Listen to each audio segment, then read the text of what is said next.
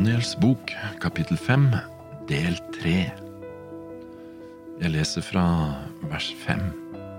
I samme stund kom det til syne fingre av en menneskehånd som skrev på den kalkede veggen i kongens slott midt mot lysestaken, og kongen så hånden som skrev. Legg merke til det som står her. Karene var jo hentet fra Guds hus og satt i kongens hus, og skriften kom til syne på den kalkede veggen. I Guds tempel, der karene kom fra, var ikke veggen kalket, den var kledd med gull. En kalket velg er et bilde på hykleriet, mens gull er et bilde på en ren tro. Lysestaken i tempelet var et bilde på Jesus som er verdens lys, og oljen var et bilde på Den hellige ånd som skulle ta av det som var Jesus sitt og forkynne det for oss, slik at det kunne bli et lys for oss. På den andre siden, midt imot lysestaken i tempelet, var skuebrødene. Det var et bilde på at Jesus var Ordet, livets brød. Ordet er gitt og forklart i Bibelen ved og av Den hellige ånd.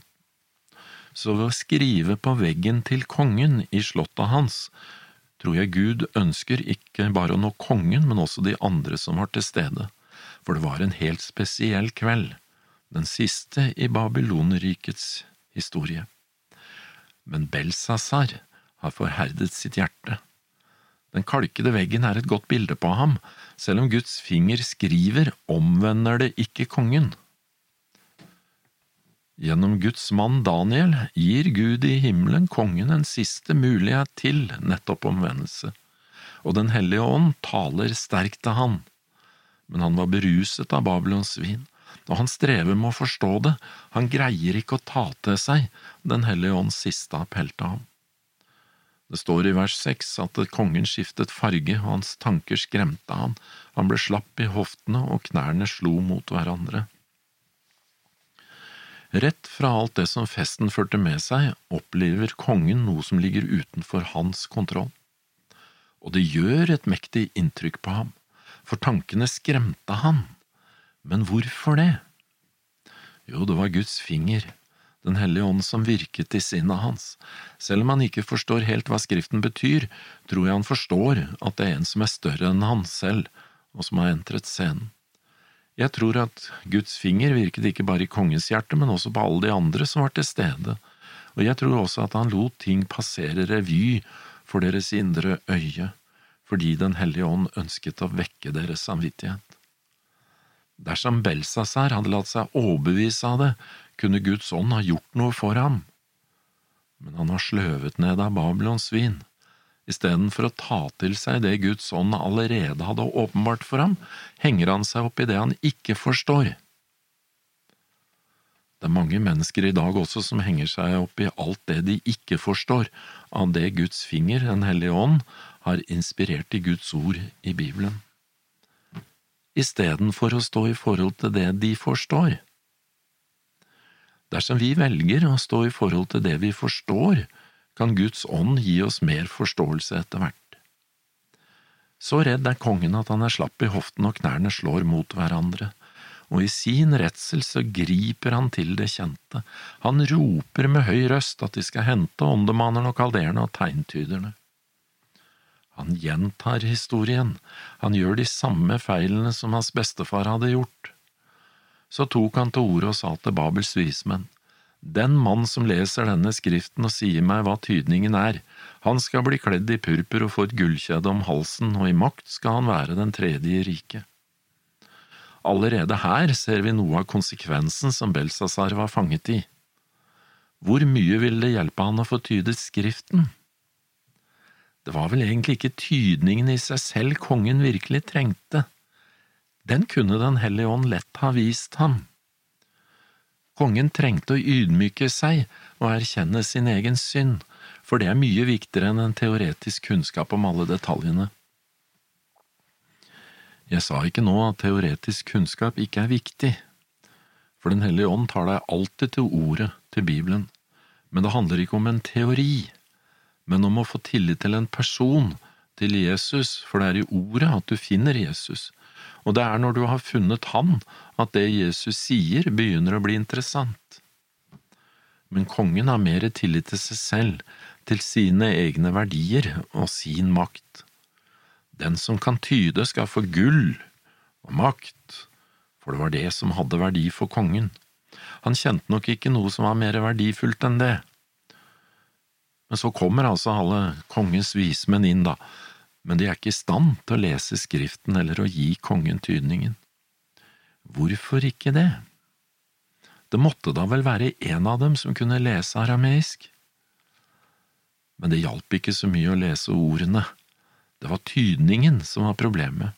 De kunne ikke det, fordi det var et åndelig budskap, de trengte Den hellige ånds hjelp til å kunne forstå det.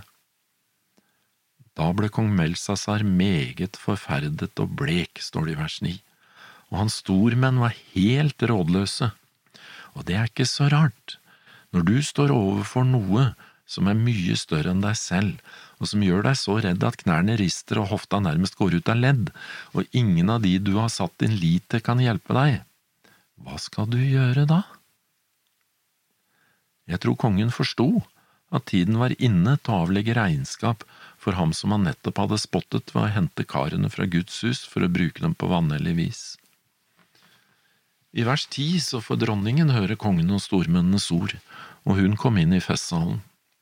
Hun tar også til orde og sier, Kongen leve evig, la ikke dine tanker skremme deg, og bli ikke blek. Jeg vet ikke helt sikkert hvorfor dronningen ikke deltok i festen. Det er lett å tenke at hun er kona til Belsazar, men jeg tror nok ikke det. For i vers sto det noe om at kongen hans hustruer og medhustruer drakk vin av karene så kona til Belsazar var nok allerede til stede. Men en ting vi kan merke oss, det er at dronningen ikke bare kommer rett inn i festsalen. Ifølge skikk og bruk på den tiden, så var det bare kongens mor som kunne gjøre det. Ikke engang hans kone kunne det. Så dronningen kan ha vært Belsazar sin mor, for Belsazar var jo medregent under sin far Nabonid. Og nå står hun der, altså, og hun er klar i sin tale, hun ber kongen om å være rasjonell. Men det er ikke så lett, det, når kongen for det første har nedsatt evne til det på grunn av alkoholen, og for det andre er veldig redd. Hun fortsetter i vers elleve, i ditt rike finnes det en mann som Den hellige ånd, Guds ånd, bor i. Det er jo et direkte sitat av Nebukadnesars erkjennelse i det forrige kapitlet. I din fars dager ble det hos ham funnet opplysning og innsikt og en visdom som gudenes visdom. Din far kong Nebukadnesar gjorde ham til leder for spåmennene og åndebanerne, kalderene og tegntyderne. Konge, slik opphøyet din far ham. For hos ham fantes det en høy ånd, kunnskap og innsikt, evne til å tyde drømmer, løse gåter og oppklare vanskelige spørsmål ble funnet hos Daniel, han som kongen ga navnet Belsasar. Send nå bud på Daniel, han vil kunngjøre deg tydningen. Legg merke til hvordan hun snakker. Det er ikke han vil kanskje kunne fortelle deg. Nei, det er send nå bud på Daniel, han vil kunngjøre deg tydningen.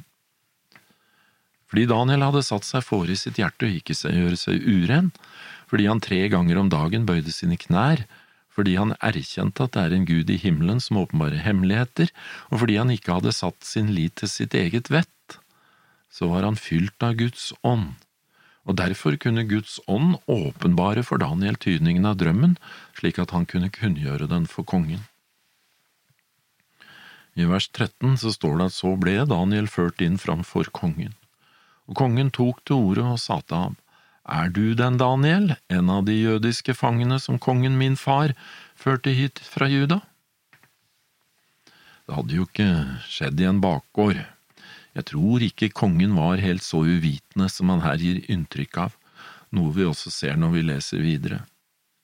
Men han har sine vismenn rundt seg, og det er viktig å ta vare på fasaden. Fra vers 14 så står det Jeg har hørt om deg, at Guds ånd er i deg, at det hos deg er funnet opplysning og innsikt i en høy visdom. Nå er vismannene og åndmannene blitt ført inn til meg for å lese denne skriften og kunngjøre meg tydningen, men de er ikke i stand til å si meg hva den betyr. Men jeg har hørt om deg, at du kan gi tydninger og oppklare vanskelige spørsmål. Kan du nå lese denne skriften og la meg vite hva den betyr? Så skal du bli kledd i purpur, og du skal få et gullkjede om halsen, og i makt skal du være den tredje i riket. Kongen er fremdeles i samme sporet, han har ingen erkjennelse av at han i årevis har ignorert det han egentlig har visst, noe Daniel også gjør ham oppmerksom på. Jeg fordømmer ikke kongen. Av personlig erfaring så vet jeg hvor lett det er å velge feil og hvor vanskelig vi mennesker har for å innrømme at vi over tid har ignorert det som Den hellige ånd har forsøkt å forklare for oss. Hvorfor det er slik? Jo, det har noe å gjøre med vår svakhet, vår falne natur. Vi vil ofte noe annet enn det Gud vil og det Han står for, og da lukker vi også lett øynene våre og ørene våre for det vi ikke liker å høre. Det er derfor det står i Bibelen at vi trenger øyensalve slik at vi kan se, og det er derfor det også sies, den som har øre å høre med, hør hva Ånden sier. Kongen han er mest opptatt av sin egen ære og av sin posisjon og av sin makt. Fordi han var nummer to, så lover han Daniel å bli nummer tre i det riket som eh, besto av Babylon dersom han tydet skriften på veggen for ham. I vers 17 så står det da tok Daniel til orde og sa der han sto for kongen, dine gaver kan du selv beholde, og dine belønninger kan du gi til en annen, men skriften skal jeg lese for kongen og fortelle ham hva den betyr.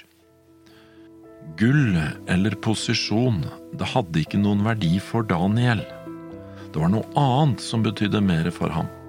Han ville vinne kongen for Guds rike men kongen hadde forherdet sitt hjerte. Neste gang skal vi se videre på det Daniel sier til kongen.